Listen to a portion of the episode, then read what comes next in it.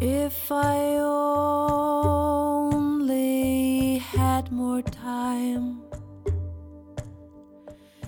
Hva slags artist ville egentlig reist til India for å lære seg å synge etter et belginstrument? Kirsti Huke er i hvert fall en eh, slik artist, og hun har alltid vært litt på den eksperimentelle siden.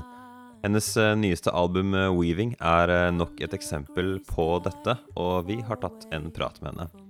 Nå får du en smakebit på låta 'Time Will Not Allow Me To Forget'. allow me to forget.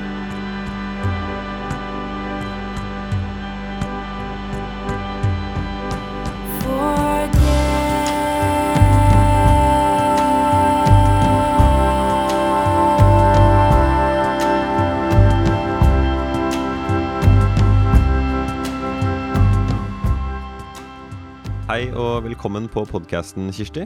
Ja, tusen takk. Veldig, veldig hyggelig å, å være gjest hos deg. Jeg kan uh, egentlig ikke vente med å snakke om musikken din, men jeg tenker liksom at det er jo veldig greit hvis folk vet uh, litt om deg, da, så jeg lurte på om du kunne introdusere deg.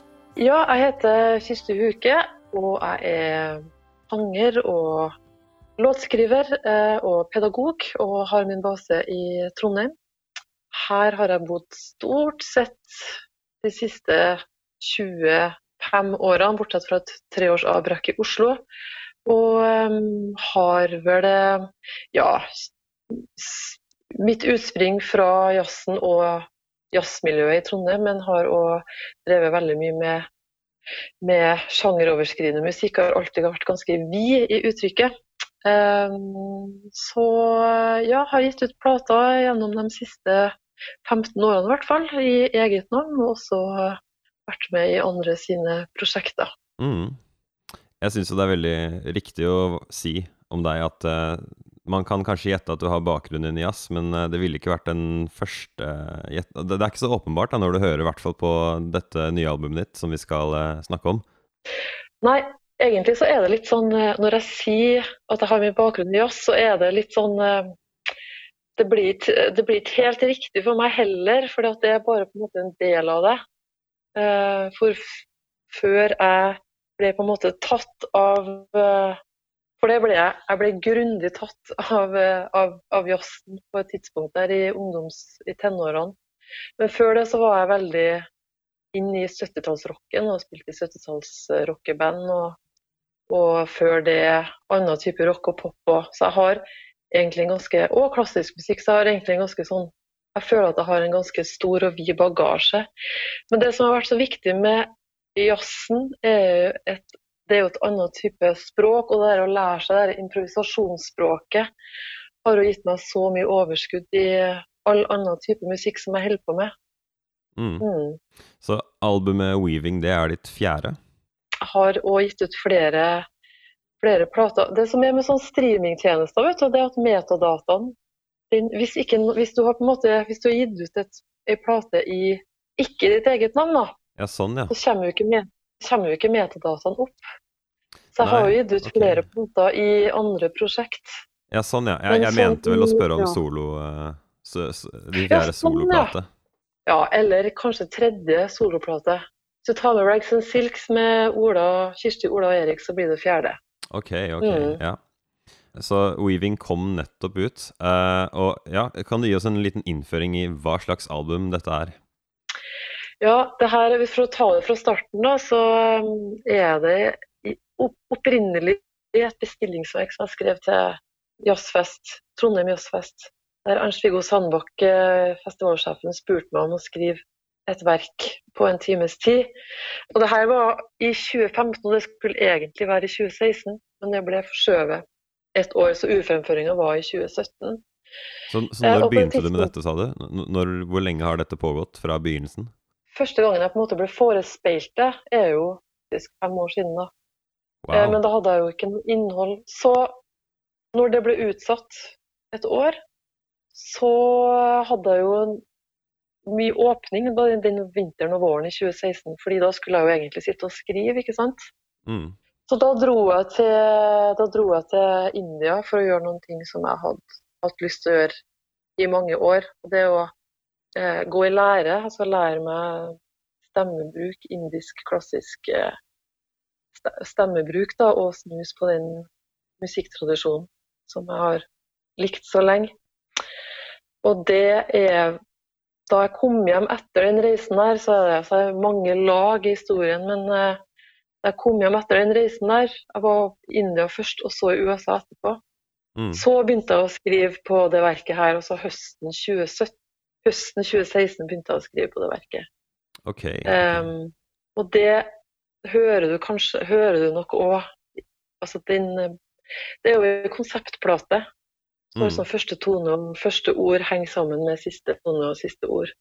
Det er jo veldig mye om den turen, og både sånn emosjonelt, men òg musikalsk, fordi de seks ukene jeg gikk, gikk jo til en, en indisk eh, musikkmester, en guru, og han eh, brukte harmonium på alle sangtimene. Så eh, harmonium, harmoniumet var altså klang.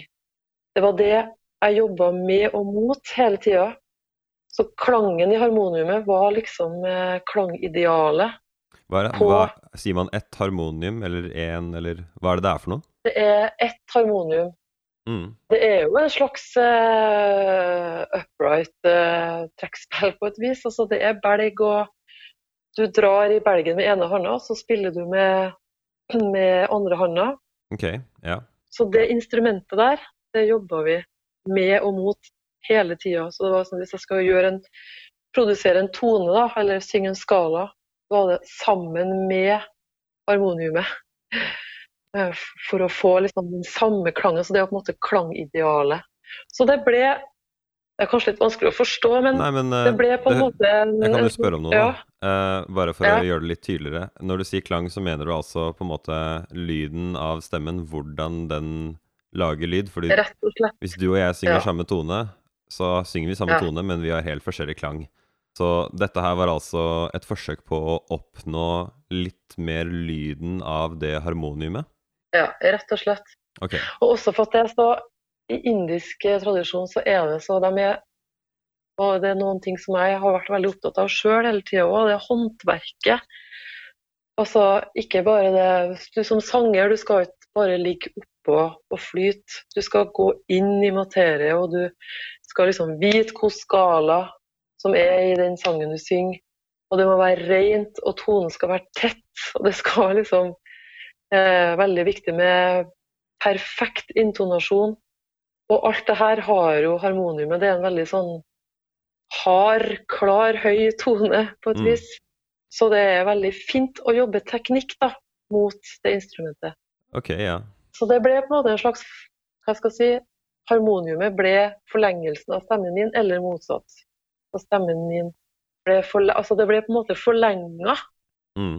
Så jeg kjøpte jo selvfølgelig med meg et harmonium når jeg reiste hjem. Og da var det på en måte naturlig å bare fortsette å jobbe med det instrumentet. Så det var der jeg starta å skrive. eh, Selve komposisjonene. Så harmoniumet ble på en måte et slags sånn mothership i verket. Selv om det ikke er med på alle sporene, så er det på en måte utgangspunktet for låtene. Altså det var med på skriveprosessen. Så kan du bare gi et, Eh. eh, et godt eksempel hvor man hører eh, en, en låt hvor du hører, hører det harmoniumet veldig godt, kanskje litt alene, eller F.eks. på The Nightly Routine. Etter eh, de to versene, to første versene så kommer det et eh, slags refreng der med noe a-ing, noe o-ing fra meg og Gunnar. Der hører du harmoniumet ganske godt.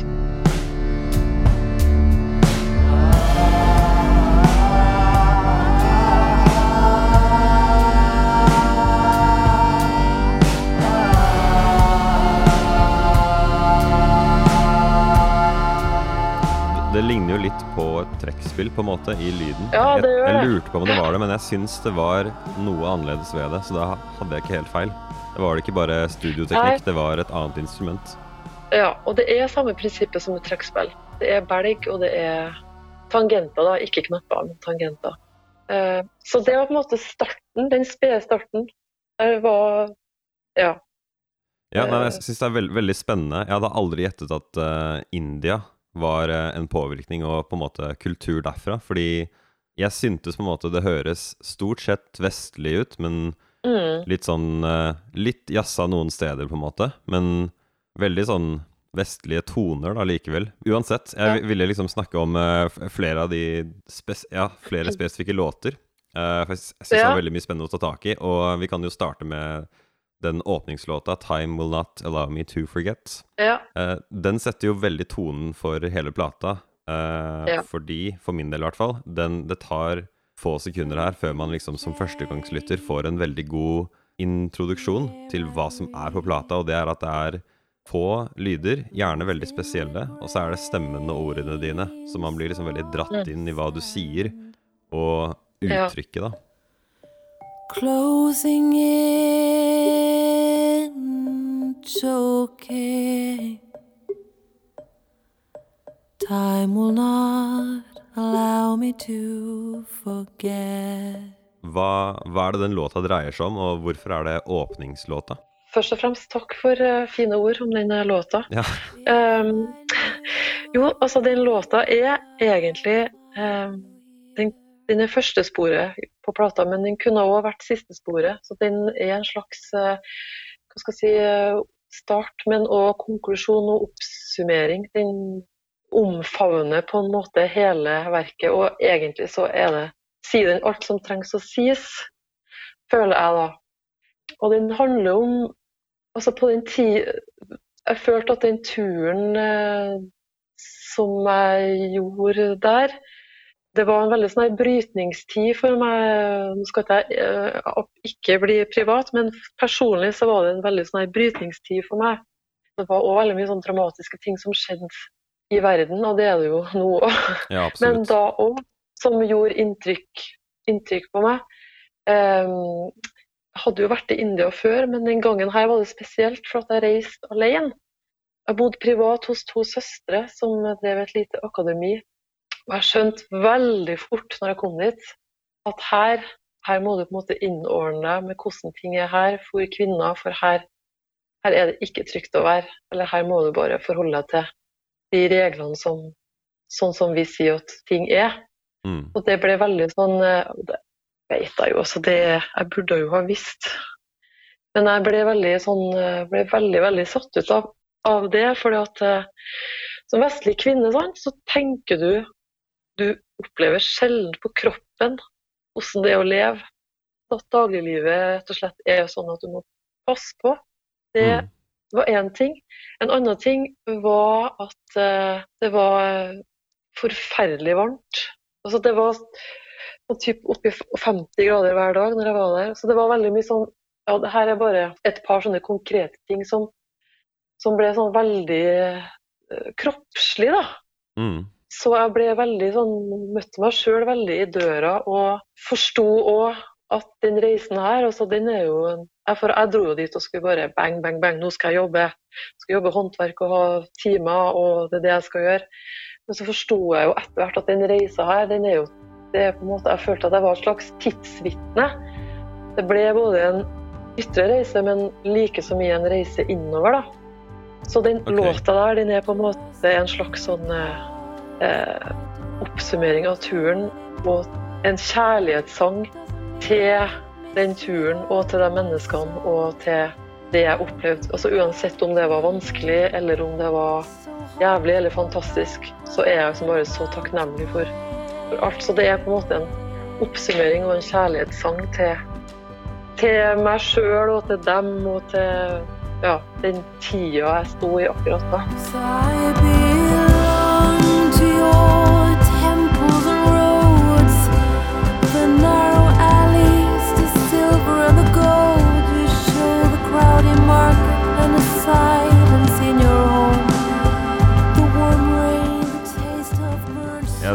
Tror det er veldig lett å relatere for mange at uh, verden er veldig intens, og det skjer veldig mye. Og jeg tror mange går og føler på at det er litt desperate tilstander overalt, og man skulle på en måte ønske man kunne gjøre noe, at man kunne gjøre noe, men man må på en måte innfinne seg med at uh, det er veldig sjelden du som enkeltindivid kan forandre store ting som bekymrer deg i samfunnet. Og det, det er akkurat det. Og der sa du noen ting som jeg kjenner gir veldig gjenklang hos meg eh, om den låta. Eh, faktisk for at jeg, jeg jobba veldig lenge med tek, å få teksten riktig, for jeg hadde, det var så mye jeg ville si. Til slutt så var det akkurat som at jeg ga meg litt over, og da kom det. Da kom det litt sånn rekende på fjøl. Og, og der sa du noe. Altså, jeg tror Ja. Eh, absolutt. Og, og, Derfor så er det, òg litt sånn skummelt å si, gi deg som konkret det betyr den låta for meg. For det er jo veldig viktig, det er jo mange artister som syns da, men at folk som hører på, tar det til sitt og får ut av det, det som, sånn som de tolker det sjøl. Jeg tenker at folk kan uh, få opplevelser av uh, f.eks. et halvt refreng, hvor det første halve refrenget resonnerer veldig med din egen personlige opplevelse av noe, ja. mens neste halvdel så på en måte merker du at å ja, men dette handler om noe annet for den som sang, men jeg føler likevel at du kan få en slags sånn forløsning eller en sånn lettelse av å høre noen andre bare synge ut de samme følelsene som du har, med innlevelse. Ja, det er sant. Og sånn har jo jeg òg det. Og jeg ja, syns jo det er veldig spennende å høre andre artister snakke om eh, arbeidet sitt og musikken og tekst. Så det Ja, jeg er mm. enig. Mm. Uh, brukte vi jo litt, uh, litt ekstra tid på den ene låta der. Jeg hadde jo veldig mange spørsmål, men uh, er det bevisst at du går for lyder som er vanskelig å identifisere? For jeg, jeg føler at jeg Ja, det, det, var oftere at jeg ikke kjente igjen nøyaktig hva det var jeg hørte på, enn at jeg liksom hørte Ja, det er, en sånn, det er en sånn, et sånt instrument. Å ja, sånn ja. Nei, det er veldig er ikke noe sånn eh, bevisst at jeg går og leter etter uh, ting som ikke går an å identifisere. Absolutt ikke. Men altså, den besetninga her krever litt uh, Krever på en måte litt sånn uh, Det er jo på en måte trommer og sang som er de bærende elementene. Ja. Og så har jo det meste harmonium, og du har, har harmoniske som bærer, men det er jo liksom det som er de to bærende som er ramma rundt. Må være litt sånn også, en sånn som det omnikordet, f.eks. Det er et instrument som jeg bare er forelska i, så jeg måtte bare ha med det. Hva er det det er for noe? Det er et instrument eh, Vet du vet hvordan en sitter ser ut? Eller er det autoharpe? Uff, nå merker jeg at jeg skulle ønske jeg hadde flere referanser å ta tak i her. Ja, det er en slags eh, altså det er en, eh, en autoharpe. da, Det er en en slags uh, liggende harpe. Der du kan trykke ned akkorder på sida, så får du de akkordene du trykker på. En omnikord er på en måte en slags elektrisk autoharpe.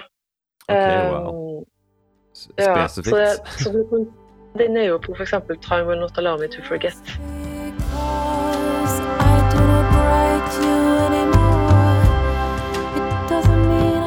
Jeg har på en måte bare samla lyder som jeg liker, som jeg syns passer inn. Og så har du Erik, da. Erik Nylander, som har vært produsent, fungert som produsent. Han, eh, er, han er, har òg funnet Altså lagt på ting som skaper Jeg ville ha Noen av låtene trenger litt sånn lydlandskap, rett og slett, for å underbygge tekst og stemning. Og her ja. har Erik gjort noen eh, veldig briljante valg. Altså, han har han er utrolig god på Hvilken rolle er det han har hatt i, oppi dette? Ja, han har også både i studio, Når vi var i studio i Ocean Sound og på øving og sånn, så var vi liksom, hadde vi litt sånn flat struktur på arrangementene. Så jeg skriver låt, låtene mine, men vi har òg både Vetle og Gunnar og Erik har vært veldig gode til å, til å komme med liksom arrangement der og da. Ja, vi kan gjøre det sånn her, vi kan gjøre det sånn her. Og I studio så var Erik og Vetle veldig eh, altså på en måte produsert litt ting underveis. Men etter at vi var ferdig med å legge komp og sånn i studio, så er det jo all vokalen er gjort etterpå, for vi rakk ikke det i Ocean. Eh, og så er det lagt noen trommepålegg, noen perkting, og noen sånne lyder.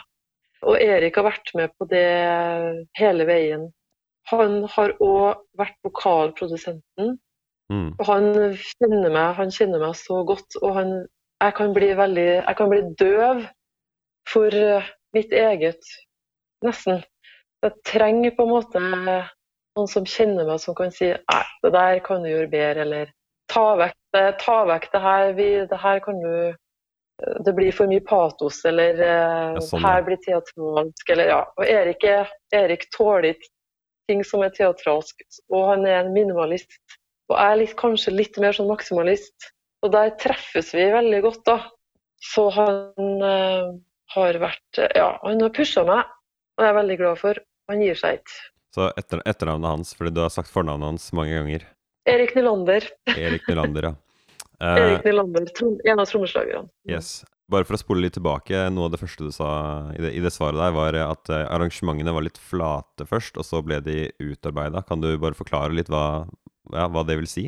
Ja, altså um, Når jeg skrev låtene så, og tok dem med på første øving, f.eks., så var det på en måte der og da vi begynte å liksom kna og kjenne og spille på låtene sammen.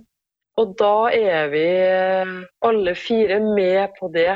Med på liksom ut Kna ut arrangementet, rett og slett. da.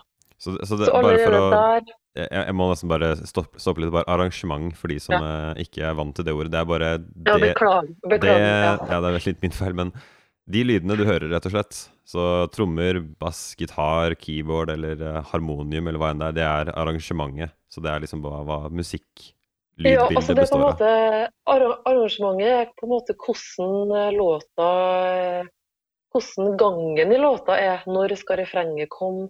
Kan det være et mellomspill her? Mm, Kan vi putte inn en pause her? Kan det være bare tromme her? Kan det være bare stemme her? Kan det være ja, alt som har liksom med det klingende resultatet av låta mm. og ja. Vagt, men måte viktig ord. ja. Kunne jeg spurt om noen spesifikke lyder som jeg selv syns var litt sånn ekstra spennende? ja. Ja.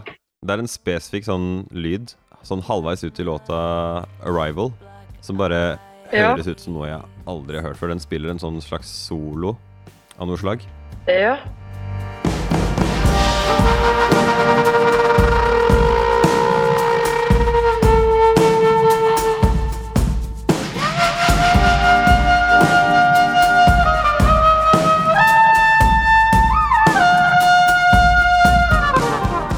Det en trompet som er kjørt gjennom Leslie-kabinett.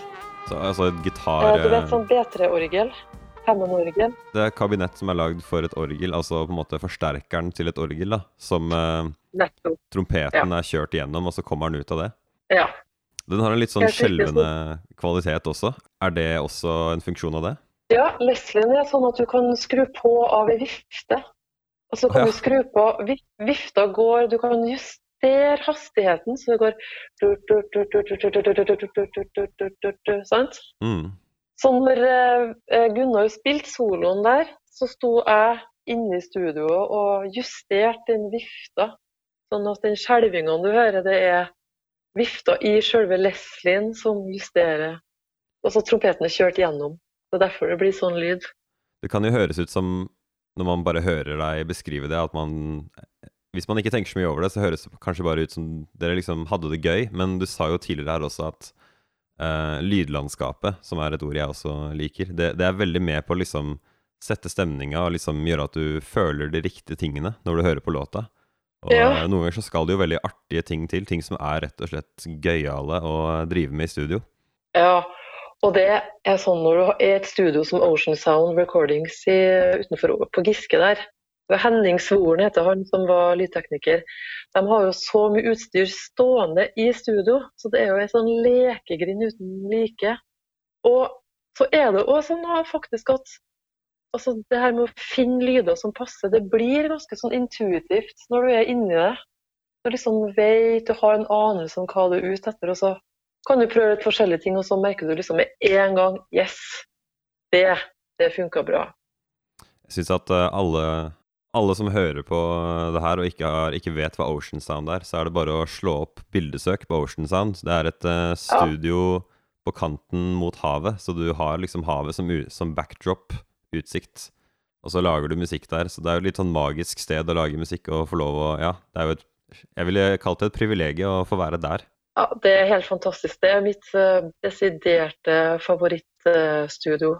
Og sånn studio og omgivelsene. Altså det er helt eh, Og så og så er det jo kjøkken og leilighet i samme hus. Så du har liksom ja, Og utrolig fine folk å jobbe med. Så ja. Mm. Det, det er én ting til, sånn apropos låta 'Arrival', som, eh, som jeg syns er uh, veldig kult. Og det er at den benytter et virkemiddel som man dessverre sjelden hører utenfor uh, klassisk musikk. Og det er at den krever at du har tålmodigheten til å høre på en stille del før den høye delen kommer inn.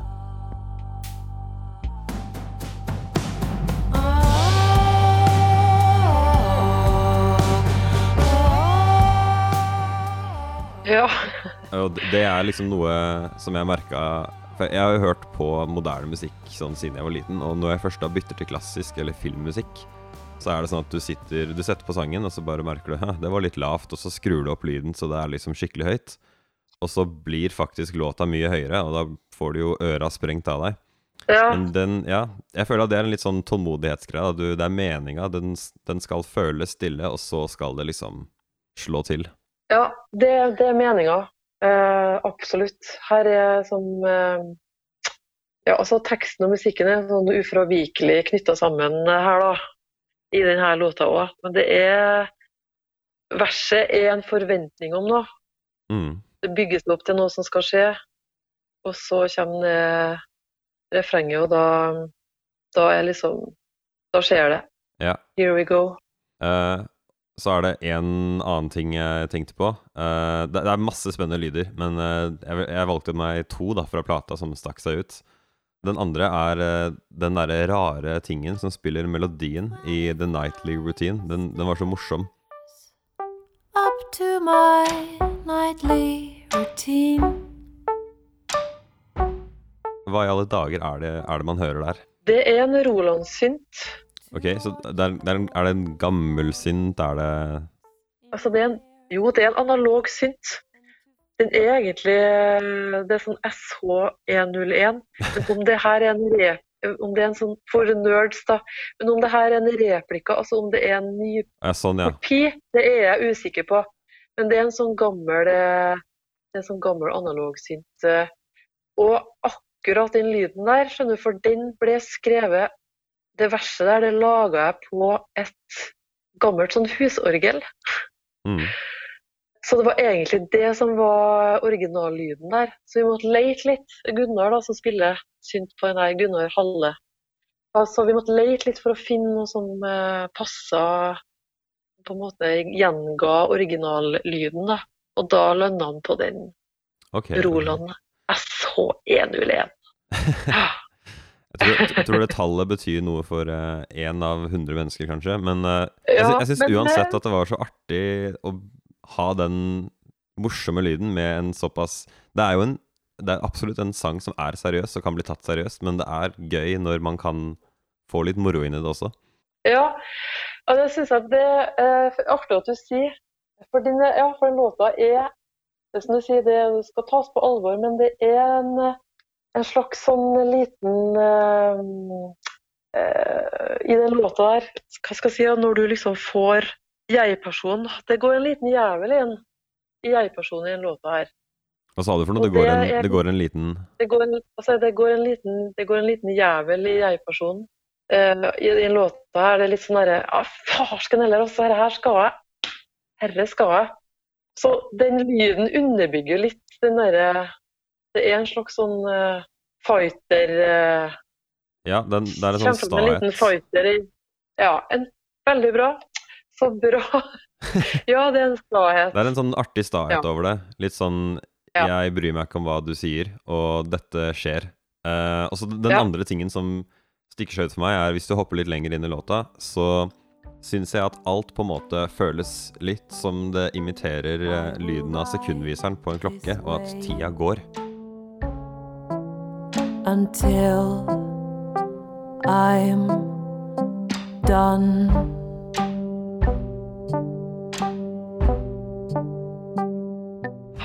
Å, det var nydelig. Ja. ja men, men det er jo altså, det er jo så fint å høre. Det, det var ikke planen, eller? Jeg bare syns det hørtes ut som det, liksom. Men når du sier det, så ja, absolutt. Nei, det, altså ikke intensjonen, men, eh, men fra og med nå. Nå er det Og, og jeg, skjønner, jeg skjønner så godt hva du mener med det. For det er noe sånn eh, eh, Lyden forandrer seg der i trommene. Jeg, jeg tror det er så enkelt som at hvis du har litt sånne lette lyder, sånne små, lette lyder, som går i nærheten av liksom et sekund mellom seg, så tror jeg folk Ja. Jeg tror mange vil føle den derre tida går-greia, fordi man har hørt klokkevisere siden man var liten. Ja, sant? Mm. Gjenkjennelses... eh, jeg tror nok det er noe høyfrekvent perk som Erik har lagt. Ok, ja. Erik Nolander. Ja, vil jeg, tro det. Mm. Uh, litt sånn uh, til slutt der. Jeg kunne snakket om så mangt her, altså. Men ehm, du har lagd et album nå som jeg føler går ut av boksen på både instrumentering og sjanger. Det er veldig vanskelig å liksom si definitivt at dette hører hjemme med sånn her og sånn her musikk. Uh, så, så jeg bare lurer på Har du tenkt på noe på hva slags spor du skal, du skal fortsette å lage musikk i? Blir det mer innenfor denne Jeg ville kalt det nesten litt sånn nyoppfunne sjangeren. Altså, jeg har eh, Jeg skal i hvert fall skrive for samme besetning. Mm. Og det skal jeg begynne med så Samme fort som folk, mulig. altså. Jeg har samme folkene, helt klart. Men om det blir eh, noe i tillegg, det, det kan jo være. Um, og så er det jo eh, litt sånn for både meg og Gunnar at vi har jo skikkelig sånn biinstrumentbonanza her. eh, med at vi spiller på biinstrumentene våre. Gunnar eh, synger jo veldig masse her og spiller synt, og har, han, han, han er travel. Eh, og det kan jo hende at det blir noe slags eh, Det blir nok Det blir spennende for meg òg å se Ja, hva som, eh, hva som kommer ut nå. Mm.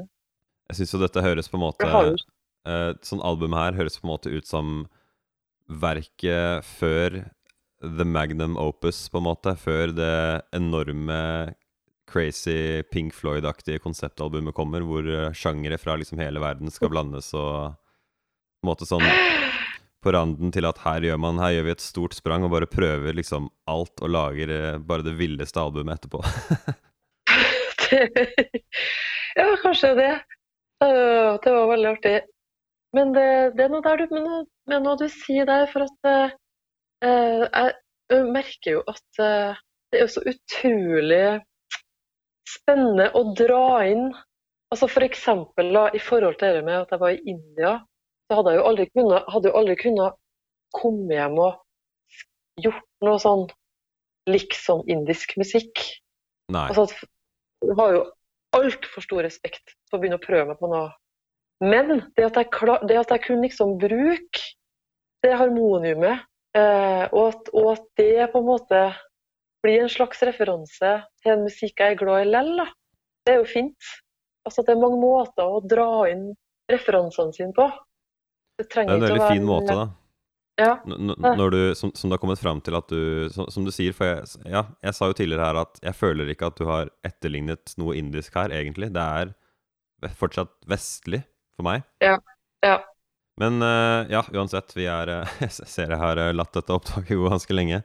Um, for folk som har lyst til å følge med, blir det noen form for live-arrangementer, eller uh, ja, hvor er det de kan uh, følge med?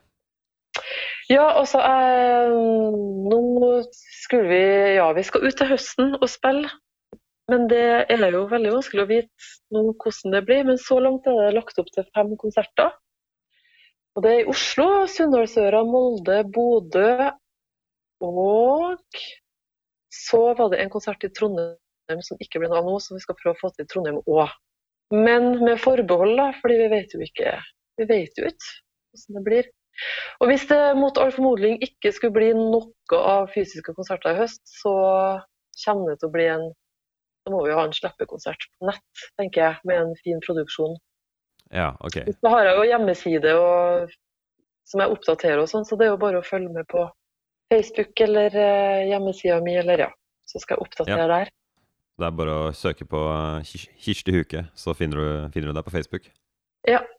Ja. Mm. Nei, men du, eh, jeg kunne snakka veldig lenge. Det er eh, så mange spennende låter. Jeg vil jo virkelig anbefale folk å bare høre gjennom, for det er, det er et konseptalbum. Det er en rød tråd gjennom, og det er en veldig unik opplevelse. Du føler virkelig at etter at du har lyttet på albumet, at dette her er ikke helt som noe du har hørt tidligere, da.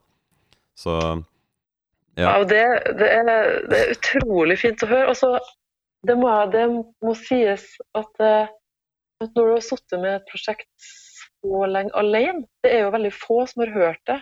Jeg slapp òg veldig få inn i skriveprosessen. Så det er jo vi som har liksom jobba med å få plata ferdig, som har hørt på det. Mm. Eh, og det er bare så Det at du sier det der, det er bare Tusen takk. Jeg blir veldig, veldig glad av å høre det. Jeg synes det er fantastisk. Mm. Du skal straks få høre hele låta 'Time Will Not Allow Me To Forget'. Men eh, før den tid vil jeg bare kjapt minne om at hvis du vil høre flere intervjuer med norske musikere, så kan du søke oss opp ved å søke på Plenty Kultur, PLNTY Kultur, hvor enn det er du finner podcaster.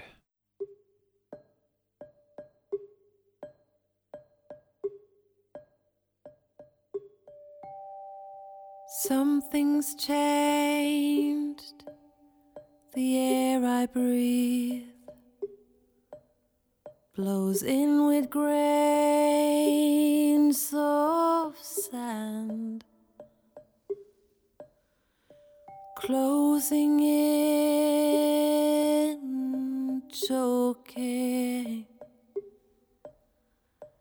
Time will not allow me to forget.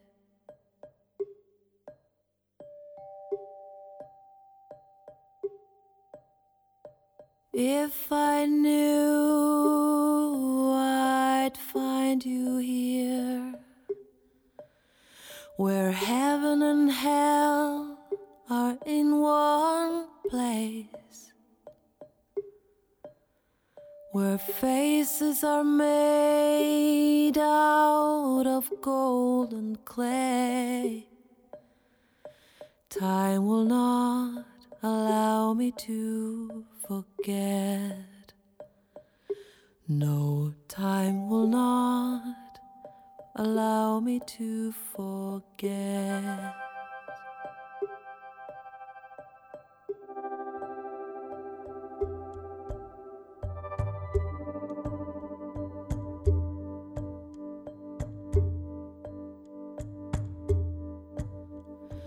Something's changed, never again. Will I be the same?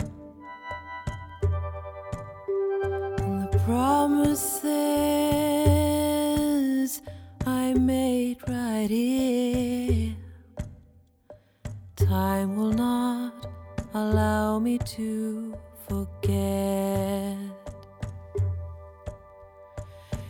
If I only had more time, if I only knew that I would find peace of mind under a gray sky far away from home. Time will not allow me to forget.